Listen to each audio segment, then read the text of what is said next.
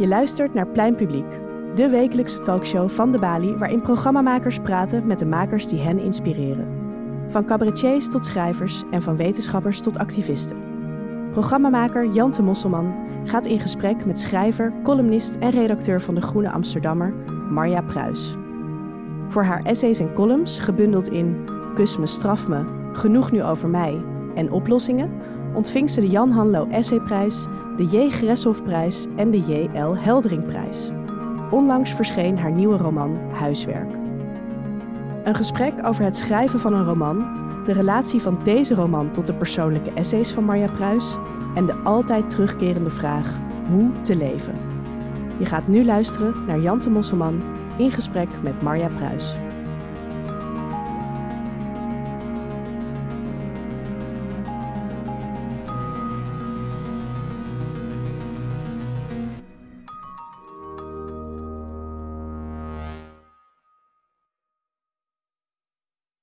Welkom bij De Bali, bij onze serie Plein Publiek. Ook voor de mensen die thuis meekijken of luisteren. Ik zit hier in de pleinzaal van De Bali met Marja Pruis.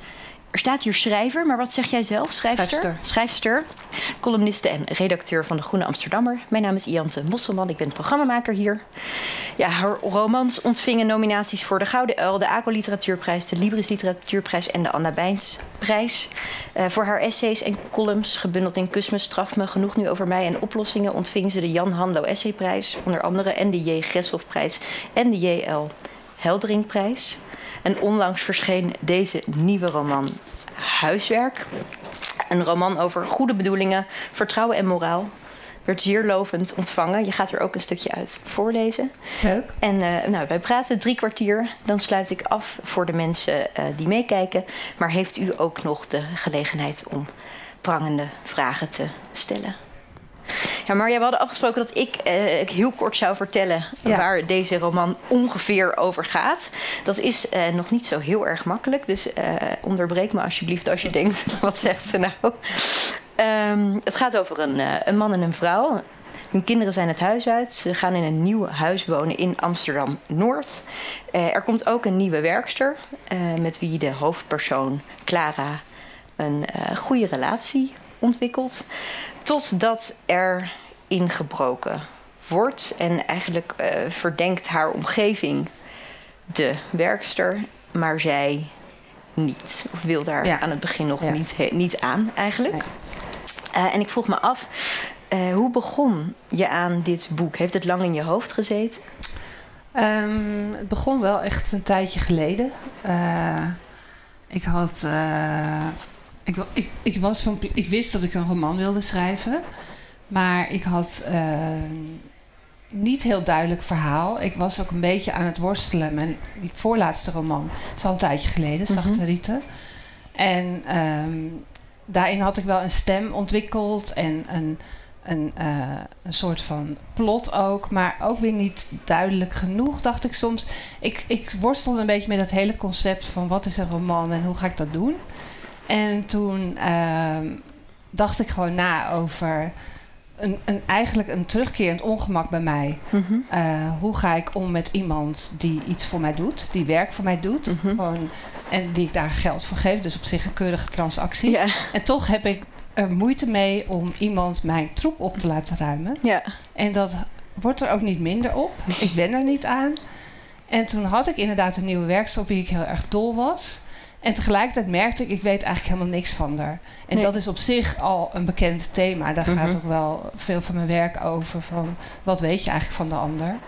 En je moet er altijd maar van uitgaan dat je elkaar kunt vertrouwen. Mm-hmm. Uh, en toen dacht ik, oh, het is eigenlijk wel mooi om, om dit gegeven toe te spitsen op iemand die je eigenlijk niet kent. Die wel, met wie je wel in een intieme relatie bent. Mm-hmm. Want ze komt in je huis.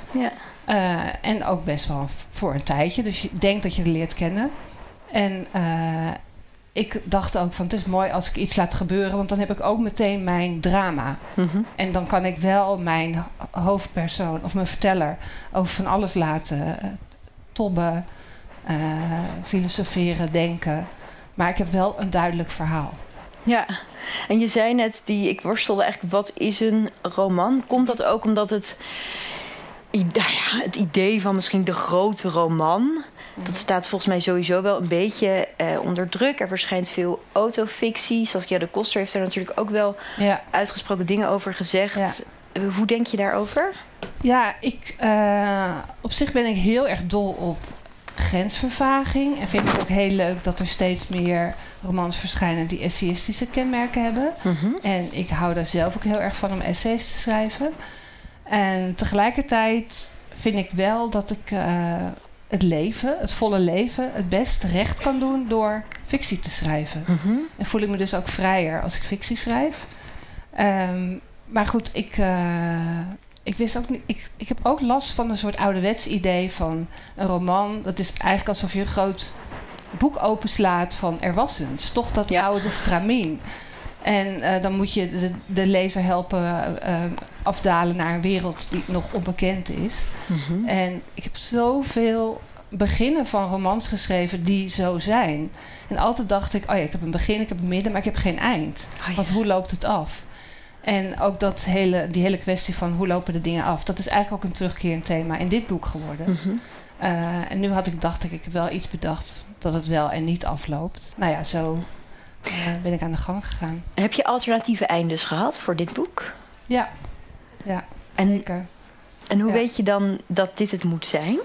En of dit, dat die anderen het niet uh, moeten zijn? Omdat het toch bleef kriebelen de hele tijd. Mm -hmm. En dat is wel het fijne uh, als je of als ik uh, gewoon zo'n boek in mijn hoofd heb... als ik er lichtelijk geobsedeerd mee aan het werk ben... dat je zo open staat en dat je eigenlijk de hele dag door erover aan het denken bent... En ik weet nog heel goed dat ik, uh, ik moest een boodschap doen bij de HEMA. Het is een eindje lopen bij mij vandaan. En opeens dacht ik, oh, ik kan nog die wending nemen in het verhaal. En dan ging het weer, weet je, ging het weer een andere kant op. Dus uh, ja, ik heb, een, ik heb een paar keer gedacht, ik ben klaar. En dan bleef het kriebelen en wist ik, oh nee, ik ben nog niet klaar. En is dat ook hoe jij schrijft? Dus je zegt, ik ben er obsessief mee bezig. Ben je, als je een roman aan het schrijven bent... of misschien ook als je essay schrijft... er eigenlijk de hele dag over aan het nadenken?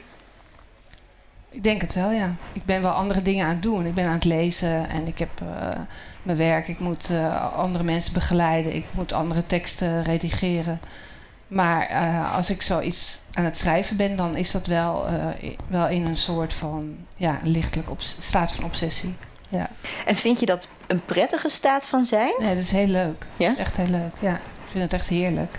En je zei ja. net ook dat je nog niet een volgend boek al helemaal in je uh, maar dat je er wel over aan het nadenken ja. bent. Ja. Is dat anders dan als je er middenin zit?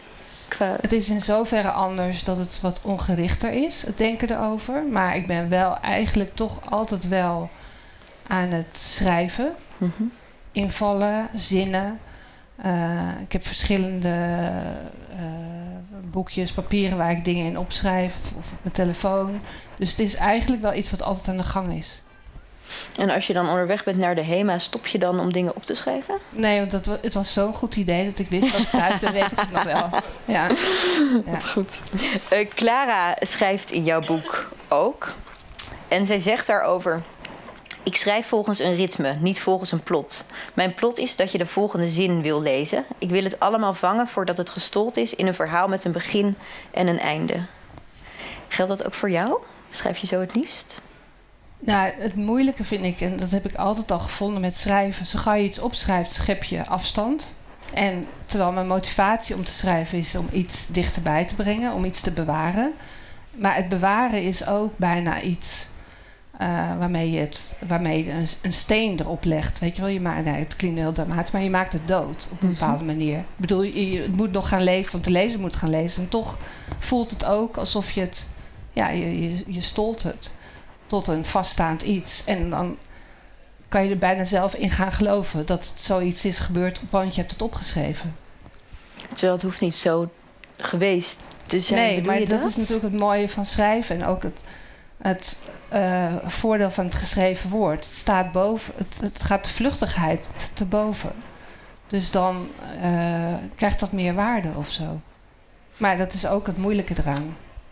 Dit komt min of meer, denk ik, ook heel erg letterlijk terug in jouw boek op het moment dat de dochter vertelt over de inbraak. En de moeder hoort dat dan voor het eerst vanuit de dochter. En daarmee verandert eigenlijk haar eigen versie van wat er die nacht is gebeurd. Omdat ze de dochter voor het eerst hoort vertellen dat ze degene die ingebroken heeft ook heeft gezien. Ja. Is dat hetzelfde? Uh, het, het zo opvangen bedoel je? Van ja, verhaal? of dat het dan, dat als het. Dat als iemand anders het ook in woorden zegt, dat het ook af kan doen aan jouw eigen ja, versie? Ja, ja, dat, dat, ja, ik denk dat ik wel begrijp wat je bedoelt. Uh, iemand kan iets aan jou vertellen of iets, iets vertellen waar jij deel van uitmaakt. En dan kan je voelen van, oh ja, maar dat is niet mijn verhaal. En dan is dat bijna een soort, het is geen aanval, maar het is wel uh, iets waar je last van kan hebben of zo. Heb je dat zelf wel eens gehad? Dat iemand iets heeft beschreven waarvan je dacht, dat is niet hoe ik het ken? Ja, ik denk eigenlijk heel vaak. Ja? Ja. Ja. Uh, dus misschien een beetje uh, specifiek om dat te zeggen, maar ik denk dat op zich vrouwen, mm -hmm. of misschien zijn het mijn vriendinnen, ik weet het niet. Of misschien roep ik het op, ik weet het niet. Maar dat vaak uh, mensen, laat ik maar mensen zeggen, ervan uitgaan dat je gelijke ervaringen hebt. Mm -hmm. En het dan net even helemaal anders vertellen. En dan is het heel moeilijk om dat heerlijke gevoel van... oh ja, we hebben hetzelfde, om dat te doorbreken. Ja. Want het is, je herkent dat wel. Het is fijn als je hetzelfde... Ja, als iemand ja, iets... Veel mensen zijn naar op zoek. Ja. Van, oh, heb jij dat ook? En ik word al gek als iemand aan mij vraagt, heb jij dat ook? ja. Want ik denk, nee, ik heb niet wat jij hebt. Zeg jij maar wat jij hebt, maar ik heb het niet. Terwijl ik... Heel erg om te zeggen dan nu misschien, maar ik denk dat het ongemak wat jij beschrijft in dit boek wel heel herkenbaar is voor heel veel mensen. Ja. Ja. Nou, ja. ja. dat is mooi. Ja. Kijk, ik kan natuurlijk. Ik kan wel voor iedereen zeggen wat iedereen. Ik bedoel, dat voel ik natuurlijk feilloos aan. Ja. Ja. Ja. Over dat feilloos aanvoelen. Daar moeten we het denk ik zo nog over hebben. Maar uh, ik denk dat het heel fijn is als je eerst een stuk zou willen ja. lezen. Ik heb daar heel uh, provisorisch plaatjes in gestopt. En het eerste stuk is denk ik... Wel het eerste ook eerst doen? Uh, ja, dat lijkt me een goed idee. Hoofdstuk drie, drie het, toch? uit het ja. eerste deel. Ja, dat is hier. Dankjewel.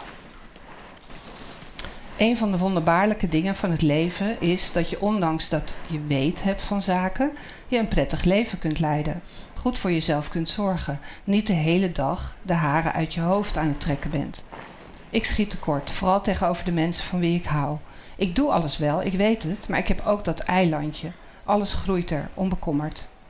Ik heb er met Cosmo en Lin wel eens ruzie over. Cosmo is mijn zoon. Laat ik het niet ingewikkelder maken dan het is. Lin is mijn dochter. Ik kan dit verhaal niet vertellen zonder hen. Ze zijn er altijd, zo niet lijfelijk, dan wel in mijn hoofd.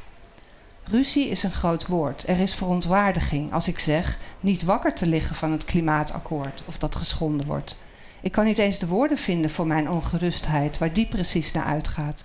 Ik lig wakker van andere dingen, al durf ik niet tegen hen te zeggen waar dan van. Ik heb het geluk ergens te werken waar men zich omstandig zorgen maakt over de wereld en daar ook nog eens kont van doet op papier. Ik mag het zachte hoekje verzorgen. Ik vind het fijn, die omweld. Het geeft wat ik doe gewicht. De collega die tegenover me zit, typt heel hard en veel. Hij vraagt me of ik die en die al heb gemaild. Ik denk aan de jongen met wie ik sinds ik kon lezen in de bibliotheek zat, dag na dag. Met wie ik huilend van het lachen naar huis fietste, de hele provinciale weg af of binnendoor langs de weilanden. Het vriendje met wie je alle kanten uit kan en die je altijd weer hoopt te vinden. Mijn werkomgeving geeft me de gelegenheid ook af en toe het woord te nemen, vanaf de kansel de goede daden te benoemen. Dan heb ik te lang in de krant naar een foto gekeken van een gigantische groep verse vluchtelingen, hun lot afwachtend op een of ander Italiaans strand. Zij zitten daar, lammeren, met niks, geen bagage, geen telefoon, geen lach voor de foto. En ze zijn zo jong. Waar komen ze vandaan? Wat denken ze hier te vinden? Ik weet dat mijn sentimentaliteit te makkelijk voor het grijpen ligt, maar kan het niet laten om aan hun moeders te denken. En dan zeg ik opeens bij de redactievergadering dat we een teller zichtbaar moeten laten meelopen.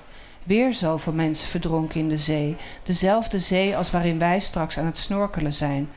En hoe het dan gaat, men vindt het een goed idee, maar het komt er toch niet van, of alleen in afgezwakte vorm. Woorden, geen getallen. Het nadeel van woorden is dat je ze tot je moet laten doordringen. Je leest zo gauw over belangrijke zaken heen. Dat is ook het tegenstrijdige van hoe ik nu zit te schrijven. In mijn hart weet ik wel waarover ik schrijf, maar ik hoop dat niemand dat ziet. Voor de buitenwereld ben ik iemand die weet hoe je het moet aanpakken. Een collega van vroeger ziet in mij een geestverwant of zoiets. In ieder geval wil hij samen koffie drinken. Invitaties die ik in principe niet genoeg kan krijgen, maar waarvoor ik in de praktijk terugschrik. Daar zit ik, koffie, koekje, woensdagochtend vroeg. Hij blijkt eigenlijk dichter te zijn, waar ik niet van opkijk. Ik word omringd door mensen die eigenlijk iets anders zijn. Maar hij heeft al een bundel gepubliceerd, een paar jaar eerder. Om niet te veel aandacht van critici op zich te vestigen, denkt hij erover in zijn nieuwe bundel oud werk met nieuw werk te vermengen. Niet doen, verkondig ik, kruimels op de lippen. Je moet je werk niet verbergen. Ik zeg niet dat wat je schrijft je ook in een bloemkool kunt verstoppen en die onderop een verrotte stapel kan leggen. Dat om het te vinden je moet doorzetten, dat dat het beste is. Ik vond dit een heel mooi stuk. Ook vanwege het einde natuurlijk, Mhm. dat doorzetten.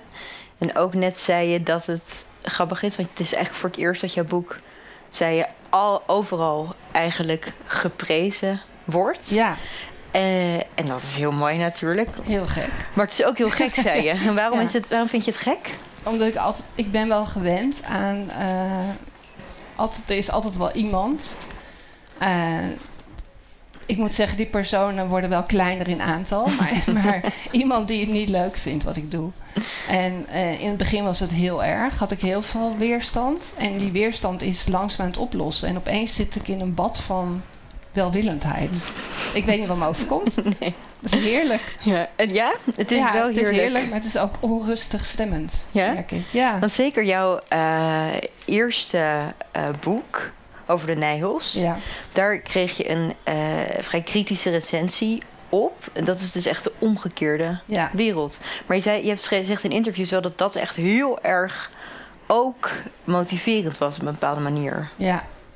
Ik vind het altijd moeilijk om die koe in de sloot te laten Sorry, liggen. Ik wil hem er eigenlijk weer uithalen. Om weer te zeggen hoe erg het was. Maar het was echt een hele erge... Ja, ik, was, ik had een, een hele erge slechte recensie. En verder allemaal redelijk slechte recensies.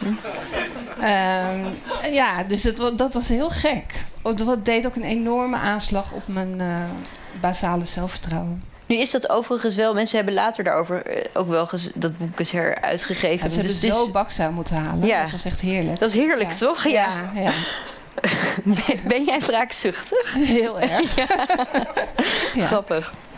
Eh, ik ga ook nog even ter- meer terug in de tijd. Ehm, in 2003 namelijk schreef je een essay in De Groene. En dat is een essay zonder ik. Ehm, en dat ging over de angst van schrijvers voor recensies. En daarin staat de zin... Een boek schrijven is één ding.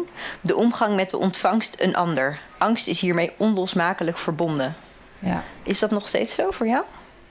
Is dat voor ja, jou zo geweest? eigenlijk wel. Ja, Maar dat is voor alle Ja. schrijvers zo, of denk je? Weet ik niet, maar ik, dat vind ik wel moeilijk. Want ik, ik heb het idee, maar dat is natuurlijk heel... eh, eh, dan, dan kijk je met een hele nauwe blik of zo. En ik denk altijd, oh, wat moet het heerlijk zijn om een veilig boek te schrijven. Ik van mezelf had het idee dat het, eh, dat het eh, boeken zijn waarbij iets op het spel staat. Ik, of Mhm. Eh, maar ja, voor, misschien geldt het voor, voor iedereen wel. Ik bedoel, de- denkt Ilja Leonard Vijver ook dat hij een heel eng boek heeft geschreven. Terwijl ik denk, wat moet het heerlijk zijn om zo veilig, om je zo veilig te verschansen. Ja. Maar ja, misschien ziet hij dat ook. Ik weet het niet zo goed. Nee, dat, dat is ook moeilijk Ja. om iets te zeggen over het algemeen. Maar Maar ik, ik, denk, ja, ik denk dat iedere schrijver, ook al zegt hij van niet, dat hij wel gevoelig is voor kritieken. mhm. Omdat iedereen het gewoon kan lezen. En je, je kan gewoon voor schut worden gezet op een Ja. bepaalde manier. Dat is het. Opeens is het zo openbaar, weet je. Net alsof je een rapport krijgt, maar dan op een hele grote schaal. ja. Ah, jij recenseert zelf ook natuurlijk. Of je bespreekt, moet ik misschien zeggen. Ja, Zo- ja. Hou je daar rekening mee als je besprekingen schrijft? Als je daar rekening mee gaat houden, dan ben je verloren volgens mij. Dat Mhm. kan gewoon niet. Maar ik merk wel dat het moeilijker wordt. En ik, ik ben denk ik wel veranderd als criticus. Dat ik vroeger medogelozer was. Mhm. Eh, toen vond ik dat ook leuker. Ik denk ook leuker om te schrijven over boeken die ik niet goed vond.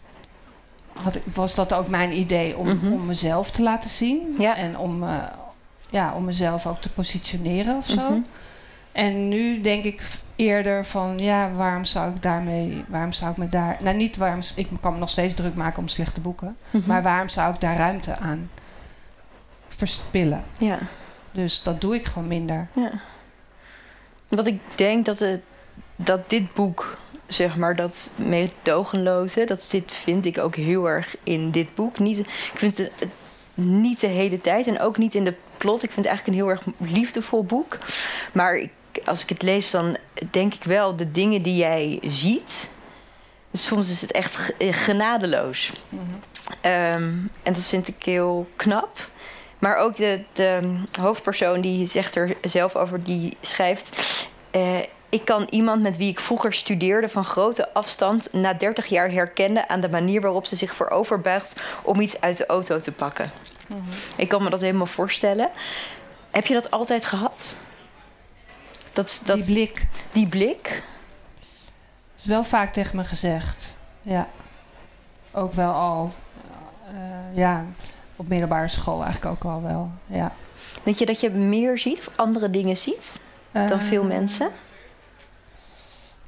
Ik kan me er niet zo goed voorstellen. Want er zijn ook heel veel dingen die ik niet zie. Ik heb gewoon een specifiek oog of een specifieke belangstelling. Mhm. Eh, dus eh, er is zo, ik heb eigenlijk eerder het gevoel dat ik blind door het leven ga dan dat ik ziend door het leven ga. Mhm.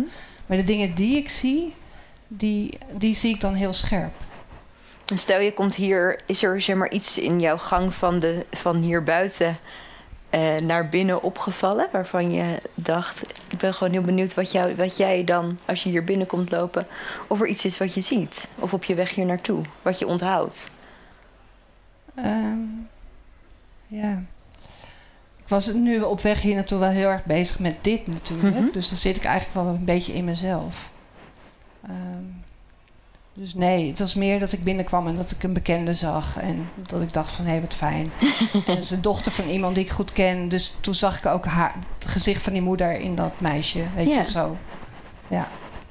Ehm, dat genadeloze, vind je dat, wat je zei in recensies, moet dat wel echt? Je kan niet daar rekening mee houden met dat mensen er bang voor zijn. Vind je sowieso dat het moet in Eh, ja, literatuur? in? In literatuur? Eh, ik vind het wel fijn om eh, ook bij anderen om, om te zien dat ze eh, een soort van absoluut oordeel geven. Daar hou ik eigenlijk wel heel erg van. Ik ben, denk ik, in het dagelijks leven wel heel erg van enerzijds, anderzijds. Mhm. Maar ik, hou wel- ik vind het ook wel belangrijk om te zeggen wat belangrijk is en niet belangrijk, of wat mooi is en niet mooi. En daar geloof ik ook wel in. Ik heb, nee, dit heb ik wel vaker gezegd, maar je hebt mensen die absoluut oor hebben voor muziek. Mhm. En dat- ik denk dat ik dat wel heb voor literatuur. Dat ik wel heel snel kan zien van dit is wel goed of niet goed. En dat gaat boven smaak of zo. En ik, ik vraag me dan... Ja, het is moeilijk om het erover te hebben zonder heel concreet een voorbeeld Ja. natuurlijk. Maar ik vraag me dan af als je zegt het gaat boven... Wat is het dan, dat, dat goede, als het boven smaak gaat? Want dit kan dan Dit- kennelijk... ja, dit is, het klinkt ook heel vaag. Maar je, je hebt schrijvers, je leest de eerste bladzijde van een boek en je weet, ik ben in goede handen. Mhm. Ik heb, ik heb hier te maken met een schrijver met zelfvertrouwen. Weet je, en dat zelfvertrouwen, het zit hem niet in dat iemand precies zegt waar je bent, maar wel je weet van hij, hij of zij heeft de goede woorden gekozen. En die kunnen heel zoekend zijn en tastend. En toch weet je, iemand gaat me ergens brengen. En ook, ik ga met deze persoon mee, ik misschien mee. wel. Ik ga mee. Ik heb zin om mee te gaan. Ja. Ja. Ehm, iets anders wat eh, in het fragment wat je net las ook zit, is ehm, eh, eh, nou ja, haar eigenlijk aarzeling tegenover een aantal grote wereldproblemen. En tegelijkertijd ook wel dat ze zegt: als ik die boten met vluchtelingen zie, dan moet ik denken aan hun moeders. Ja. En die afweging tussen wat is het goede Die zit denk ik in het hele eh, eh, boek en doe ik het goede. Er zit iets heel grappigs in over bestrijdingsmiddelen. Die, die ze in de tuin alleen in het, in het voortuintje alleen in het donker spuiten. Omdat de super eco-vriendelijke buren dat Ja. natuurlijk niet oké vinden.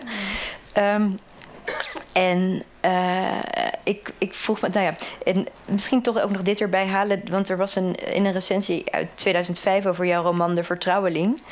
Eh, schreef iemand: Als het kenmerk van een goede roman is dat hij zonder al te expliciet te zijn uitdrukking geeft aan het innerlijk conflict van de schrijver, dan voldoet de vertrouweling daar zonder meer aan. En dat innerlijk conflict, dat zit hier natuurlijk ook heel erg Ja, in. ja. De, en dan bedoel je dus meer gewoon het wikken en wegen van wat te doen. Tussen wat is goed? ja, wat is En- het, ja. wat is het goede en hoe, hoe, hoe leid ik een, een verantwoordelijk leven? Mhm. Op een kleine manier misschien. Ja. Vind je dat jouw hoofdpersoon dat doet, een verantwoordelijk leven leiden? Eh, ja. Het, het zou denk ik niet helemaal bij haar passen om zichzelf een brevet van goed, van goed gedrag te geven. Mhm. Eh, als je zegt van het erover nadenken, dat is het leiden van een goed leven. Je bewustzijn van je verantwoordelijkheid voor de mensen om je heen. Dat je in ieder geval eh, liefdevol bent voor de mensen of, en zorgzaam. Mhm. Dan denk ik dat ze het wel. Ja, ik zeg het toch met aarzeling, omdat het wel. Het past niet zo bij haar dat ze dan tevreden zit en denkt: oké, ik doe het goed. Nee. Nee. nee, ze blijft twijfelen. Ja. Maar ze doet wel echt haar best. Ja, maar eh, ik ken op zich eh, van mezelf heel goed dat ik soms het bijna kan afdwingen door iets aan een, aan een zwerver te geven. Of eh, iemand die eh dakloze krant verkoopt. Mhm. Omdat ik weet dat hij dan iets aardigs tegen me zegt waar ik dan behoefte aan heb. Dat iemand. Ik had laatst dus dat iemand zei van oh, God bless you. Mhm. En dat, ik, en dat was precies wat ik wilde horen. Dus Ja. ik zei, I like being blessed. Ja, en toen lachte hij zo naar me. En toen dacht ik, oké, nou, mijn middag is goed. Ik ben gezegend. ja, Ja. En ik had echt het gevoel alsof iemand me de zegen had gegeven. ja. Maar dat is, ja, daar is toch in principe niets mis mee, of wel? Nou, ik dacht wel van wat een... Ja, ik, ik doorzag het. Ik doorzag het, weet je wel. Ja. Ik had ook Ja. naar de kerk kunnen gaan en even een kaarsje voor iemand opsteken. Of naar het biechthok instappen, bij wijze van Ja. spreken. En nu deed ik dit. Ja. Maar is dat niet, zeg maar, er zijn standpunten, nou ja, de, er gaan minder mensen naar de kerk, maar er gaan nog steeds ontzettend veel mensen naar de Ja. kerk. Dat is misschien wel iets wat we heel erg nodig hebben als mens. Ja, en dus ik heb nu een ander ritueel bedacht. wat is, wil je daarover wil je vertellen wat dat is? Nee, maar bijvoorbeeld dit. En Ja. ik weet ook, deze Ja, bepaalde oh ja. man waar ik vaak boodschappen doe... die staat bij de ingang van Albert Heijn. Mhm. En die kijkt me aan en die weet ook al... aan- hij ziet mij komen. Hij weet al, ik heb aan jou een goeie. Ja, Dus hij vraagt gewoon aan mij... wil je dat en dat voor me kopen? En ik koop het. ja. Ja. Ehm, wat ik me afvroeg, want eh, eh, op het moment dat die diefstal gebeurt, dan wil zij eigenlijk. Althans, dat is ook wel. eh, ik was er nog niet helemaal uit. Maar dan wil jouw hoofdpersoon eigenlijk niet echt geloven dat, het dat de werkster het gedaan heeft. Terwijl eigenlijk iedereen zegt. En als je dat nou moet typeren, vind je haar dan. of, ehm, nou ja, ze is misschien goed gelovig. Ehm, en de meeste mensen in haar omgeving vinden dat naïef. Maar je zou dat ook als iets heel moois kunnen zien. Als iemand die uitgaat van het goede van de mensen, niet van het kwade. En ik vroeg me af hoe jij dat ziet. Ja, dat is iets op zich waar ik wel veel over nadenk. Omdat ik wel... eh, maar goed, het voert misschien wel een beetje ver. Maar ik heb wel het idee dat... eh, nou, laat ik beginnen. Die, ik kom toch even terug bij die, die koe in de sloot. Die, die eerste Mhm. recensie van mijn boek. Toen verweet, toen verweet iemand mij koketterie. En dat woord koket, dat heeft zich in mij vastgezet. En eh, op een of andere manier is dat het, gewoon het meest hatelijke over mezelf wat ik kan bedenken. Mhm. En eh, dat hele idee van goed doen en ook wat mensen van mij denken. Er wordt ook al mijn hele leven van mij gedacht. Je bent heel lief. Mhm. En ik denk van ja, ik kan dat heel goed Nou, als ik zeg ik doe alsof, dan is dat eigenlijk ook weer koket. Maar ik weet wel wat ik moet doen, dat mensen dat denken. En tegelijkertijd, uh, ik weet het niet of dat allemaal echt zo is. Nee. Je nou al geantwoord? Of, een beetje, ja. ja. ik zat, ik zat ja. na te denken over... Ja. Het is grappig dat jij um, zegt ik ben heel lief. Want ik denk dat iedereen die jouw werk leest ook ziet dat het. Uh, het is niet alleen maar heel lief werk. Het is ook best hard werk, vind ik soms. Ja, dat werd toen ook bij mijn eerste boek tegen mij gezegd door een mhm. vriendin. Van ja, je hebt het zelf opgeroepen, die slechte recensies. Jij vergeet gewoon. Jij oordeelt hard, jij kijkt hard, maar mensen kijken ook hard, terug. terug. En dus ja, nou ja, die twee kanten zitten er denk ik in. Maar daar schrik ik dan toch van. Want ik denk toch van ja, maar jullie zien toch wel dat ik eigenlijk heel lief ben. Dat kan natuurlijk ook naast elkaar mhm. bestaan. Ik wil denk ik eh, naar een laatste uh, onderwerp, mm uh, namelijk het gezin in mhm. deze roman. Um, en misschien is het mooi als je daarvoor één, stukje. één stuk voorleest. Ja. ja. ja. We hebben net al even gekeken. Ja. Ja, tweede deel, hoofdstuk 5. Ja. Mijn moeder had een mooi rond handschrift. Het handschrift van iemand die niet veel schrijft. Naarmate je verder bladert in, haar, bladert in haar notitieblokje worden haar letters groter. Is de penafdruk sterker. Alsof ze haar zinnen erin aan het drukken was. Eerst was het ongerustheid, denk ik. Ze noteerde dat ze werd opgehaald. Was dit het stukje wel? Ja. Ja? Volgens mij wel. Oké. Uh, ze noteerde dat ze werd opgehaald om 11 uur, dat Puk woensdagjarig was, dat de pedicure kwam. Daarna was het kwaadheid, dat mijn broer ervoor had gezorgd dat ze geen krant meer kreeg, dat ze geen geld in haar portemonnee had. Ik weet niet waarom hij het moest ontgelden. Misschien omdat hij degene was die de dingen voor haar regelde. Hij was de oudste, dus hij was de baas. Mag ik het lezen? vroeg ik als ik bij haar was. Dat was in de tijd dat ze nog normale dingen schreef die me aan het huilen maakte. Ik dacht altijd dat als ze dood zou zijn, ik die teksten op haar begrafenis zou lezen. Ik loop vooruit op het drama, dat is zo onbetrouwbaar aan mij. Ik vergiet graag heerlijke tranen. Ik zou nooit zo invoelend en hartbrekend over mijn ouders hebben kunnen schrijven als ze ieder moment hier hadden kunnen aanbellen. Als mijn vader nog had kunnen zeggen: Hoe kun je ook zo stom zijn om dat geld in een kistje voor haar te bewaren? Waarom heb je het niet gewoon op een rekening gestort? Omdat er mensen wonen in dit land, pap, die geen rekening kunnen openen bij een bank. Omdat er hier mensen wonen die niks hebben, geen verblijfsvergunning, niks. Mensen van wie we kennelijk liever niet willen dat ze bestaan. In ieder geval niet bij ons in de buurt. Alsof mijn vader niet alles voor iemand anders zou willen doen. Hier ligt 100% goedheid, zei mijn moeder toen hij net was overleden. Die goedheid van mijn vader, ik kan daar niet tegenop. Ik kon geen letter schrijven toen hij nog leefde. Schaamde me voor iedere poging tot uiting. Het is een beetje als met Hartog, voor wie ik me ook doodschaam. Er zijn mensen in mijn buurt die gewoon te groot voor mij zijn. Puk begrijpt hier niets van. Hoe kun je met iemand samenleven voor wie je iets wil verbergen? Ze schetst rampscenario's waarbij ik samen met Hartog iemand tegenkom die ergens aan refereert en Hartog heeft dan geen idee waarover het gaat. Dat kan toch niet, roept ze. Ik laat haar praten, ik knik, maar dit is hoe het gaat en Hartog weet dat wel.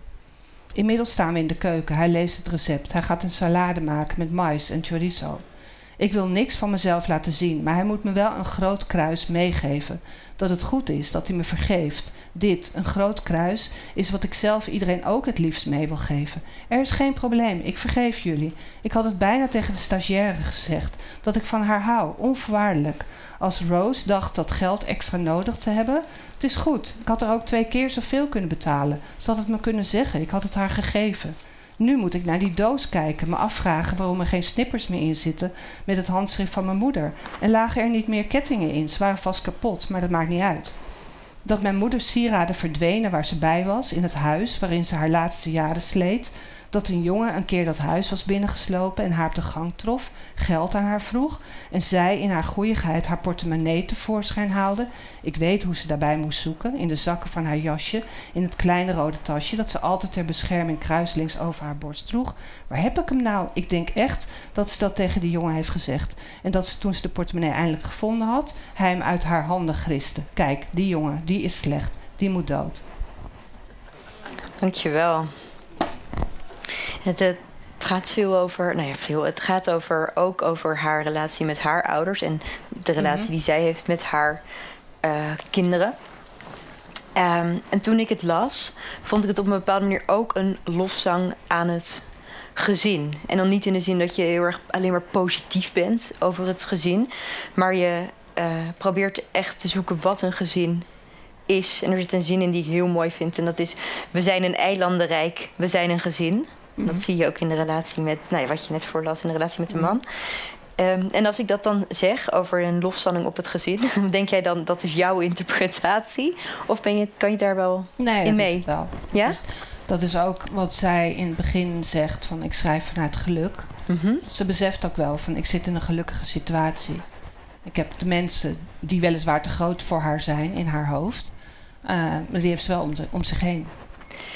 Het heeft best wel lang geduurd, volgens mij, voordat jij over een gezin op deze manier. Of althans, Ja, dat ging waar. schrijven. Ja, ik heb heel lang gedacht. Ik schrijf vanuit een alleenig ik. Mhm. Ook mijn columns. Ik wilde eigenlijk ook dat niemand iets van mij wist. Dus het was. eh, en ik vind het zelf ook wel aantrekkelijk om niks te weten van iemand. Mhm. Als ik iemand graag lees. En ik vind het ook heel dodelijk. Maar voor een roman kan het dus. Dus Ja. vond ik het ook mooi. Maar in een column, als ik in een column lees iemand die het over eh, haar of zijn lief heeft. Of eh, gezamenlijk naar de bank. Dan zie ik dat hele tafereel. En dan heb ik al gegeten en gedronken. Dat wil ik niet. Waarom wil je dat niet? Nou, dat, dat is me te comfortabel. Ja. Dat, eh, dat, nee, ik, ik krijg gelijk een saus van, een saus van gezapigheid over me heen gegooid. Mhm. Als ik dat lees. En wat ik vind was- het heel lastig als een columnist op die manier over privéleven schrijft. Ja. Je zei in een, ehm, eh, een interview wat je gaf voordat deze roman uitkwam, een duo-interview met Oek de Jong, zei je ook, ehm, ik lees het heel kort voor, ik heb dit al eerder gezegd, maar ik heb gewacht tot mijn vader overleden was overleden voordat ik überhaupt ging publiceren. Ik ben bang dat hij een blik op mij kreeg die hem niet beviel. Dat heb ik vast allemaal zelf bedacht, maar ik dacht, ik ben niet die serene engel die jij denkt dat ik ben. En ik heb dat nog steeds voor mijn omgeving, voor mijn man, voor mijn kinderen. Ik denk liever niet aan hen als ik schrijf. Was het mogelijk, of heb je het voor deze roman dan dus wel toegelaten? Of zijn dit andere kinderen? Was het vervlochten? Eh, nee, ik, ik. Nou, sowieso heeft het iets dodelijks als je schrijft om al te denken aan wie het in handen gaat krijgen. Mhm. En inmiddels weet ik en vertrouw ik erop. En is dat ook de situatie dat mijn kinderen lezen sowieso mijn boeken niet. Nee. En eigenlijk leest mijn man ook heel weinig Ja. van mij. En toen ik vroeger wel eens schrijvers interviewde die dat vertelden, ook aan mij, dat hun partner hun werk niet las, dacht ik, nou, ik heb nog nooit zoiets debiels gehoord. Dat vind ik zo raar. En nu snap ik dat volkomen. Het geeft mij gewoon de vrijheid om te schrijven wat ik wil. Ja, dus eigenlijk is dat heel prettig. Dat is en heel ook, prettig. Ja, Dat is ook een blijk van vertrouwen. ja. Ehm, en dat niet aan hun denken terwijl je schrijft. Dus eh, dat lijkt me toch, omdat je hier ook twee volwassen kinderen in hebt. Is dat mogelijk? Dus niet aan dat ze het zullen lezen, Ja. maar überhaupt niet aan hun. Nee, dat is eigenlijk niet mogelijk. Nee. En is dat dan een worsteling geweest? Of, dacht, ja, of vond is er... wel een worsteling. Ja? Ja. ja. Ja. Ik ben heel blij dat het boek er nu is. En nu is het voor mij ook, mij ook echt een boek. Het is Mhm. echt een roman. Eh, maar ik had wel tijdens het schrijven... en dan als ik hun ook zag... dan dacht ik soms ook wel eens echt aan mezelf... als een soort heks die de eigen brouwseltje aan het brouwen was. Ja. Ja, en dat mensen geen idee hadden. Wat toch een heel... het- Ik bedoel, je kunt je machtig voelen als schrijver. Maar het is ook soms... eh, kun je ook een verrader voelen. ja, Dat zit er allebei gewoon in. en waarom heb je het dan toch gedaan? Omdat ik wist dat het zo het mooiste zou worden. Ja. Je zei nog iets anders eh, over dit boek in datzelfde interview. Je zei, ja, dat is weer een heel intieme geschiedenis. Huiswerk gaat die heten. Over het huiselijk leven en wat er gebeurt als dat verstoord wordt door interne en externe krachten. Ik ben geïnteresseerd in persoonlijke verbintenissen en langdurige relaties en wat er gebeurt binnen een gezin. Dat er altijd weer een manier gevonden wordt om samen te overleven. Ja. En toen dacht ik, het is, vind ik best interessant. eh, een, nou ja, laten we dan dat, een lofzang op het gezin. Terwijl dat is in deze tijd, waarin mensen heel erg toch eh, roepen dat het gezin misschien wel aan een einde toe is. Mhm. Is dat toch op een bepaalde manier ook best Ja. taboe? Best. Nou ja, niet taboe, maar Ja. ik zie wel veel ook die Polish the family voorbij komen. En we moeten op zoek naar andere vormen. Ja. En is het gezin is een patriarchaal, zeker in feministische kringen. Het ge- gezin is een patriarchaal construct wat Ja. ons allemaal gevangen houdt. Ja. Was je daar met dat, dat, dat, zeg maar, was het ook dat je iets daartegen wilde zetten? Of ben je daar gewoon helemaal niet mee bezig geweest? Nou, eh, ik, ik weet het. Ik heb er geweten van. Mhm. Van de systeemkritiek en het patriarchaat en eh, andere samenlevingsvormen. En ik heb daar ook veel over nagedacht. En ik heb ook in de verschillende decennia van mijn leven, eh, waar, waar er waren altijd discussies daarover. Het is voor mij nooit een vanzelfsprekendheid geweest. Ik bedoel, ik ben nooit getrouwd omdat ik dacht dat ik dat, ik dat niet mocht doen van Simone de Beauvoir. Ja. En eh, dus ja, tegelijkertijd, en dat is, heb ik ook in mijn boek nu gezet. En ik heb wel voor mezelf geconcludeerd: leven is alleen mogelijk in continuïteit. En ik denk echt zonder mensen van wie je houdt, die je al heel lang kent, of die heel lang jouw getuigen zijn, vind ik het heel lastig om je leven te leiden, überhaupt. Dus ja, dat, is dan heel apolitiek. Maar, eh, en zo gauw je het woord gezin gebruikt, is dat ook iets wat natuurlijk een soort van, eh, zou je kunnen zeggen, een eh, patriarchale uitvinding, een constructie is eh, die vrouwen onderdrukt. Maar ja, het gezin is ook een, een, een hele solide kern. En het kan ook juist een bron zijn van geluk, van waaruit je de wereld in kunt. Omdat het er is, als iets veiligs. Het is ook een, een, ja, een, een, een soort kasteel of een fort, is Ja. het eigenlijk. Het is een hele Als het ja. werkt, dan werkt het, is het heel goed. Ja. Ja, ik vond dat ook wel. Ik eh, heb deze worsteling zelf ook wel met twee kinderen. En dat ik soms denk, oh jeetje, met mijn gezin. Maar ik vond het juist ook wel heel prettig om eh, daar op die manier over te lezen. Ja, fijn. Ja. Ja. Eh, een beetje saai- een beetje side note. Nee, maar omdat het bijna, omdat het zo snel toch ook hier wel als een soort van burgerlijk iets Ja, gezien wordt snel. ja, maar dat vind ik best een beperkte visie, Is toch? het ook. En ik denk dat ik er ook wel lang over heb gedaan om er op een vrije manier over na te kunnen denken. Dat ik heel lang wel last had van Simone de Beauvoir. En wat is er dat je er, eh, nu je dit beschreven hebt, heb je iets nieuws geleerd? Of, of heb je iets ontdekt of heeft iets je verrast wat je geschreven hebt over het gezin? Nou, dat mijn gezinsleden nog eh, meer solide zijn dan ik had verwacht. Gewoon ook hoe ze reageren op dit boek.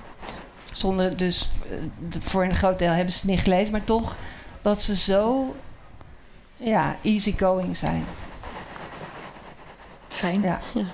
Misschien als laatste vraag ook nog. ehm, eh, zijn er dingen ook in recensies die je hebt gelezen?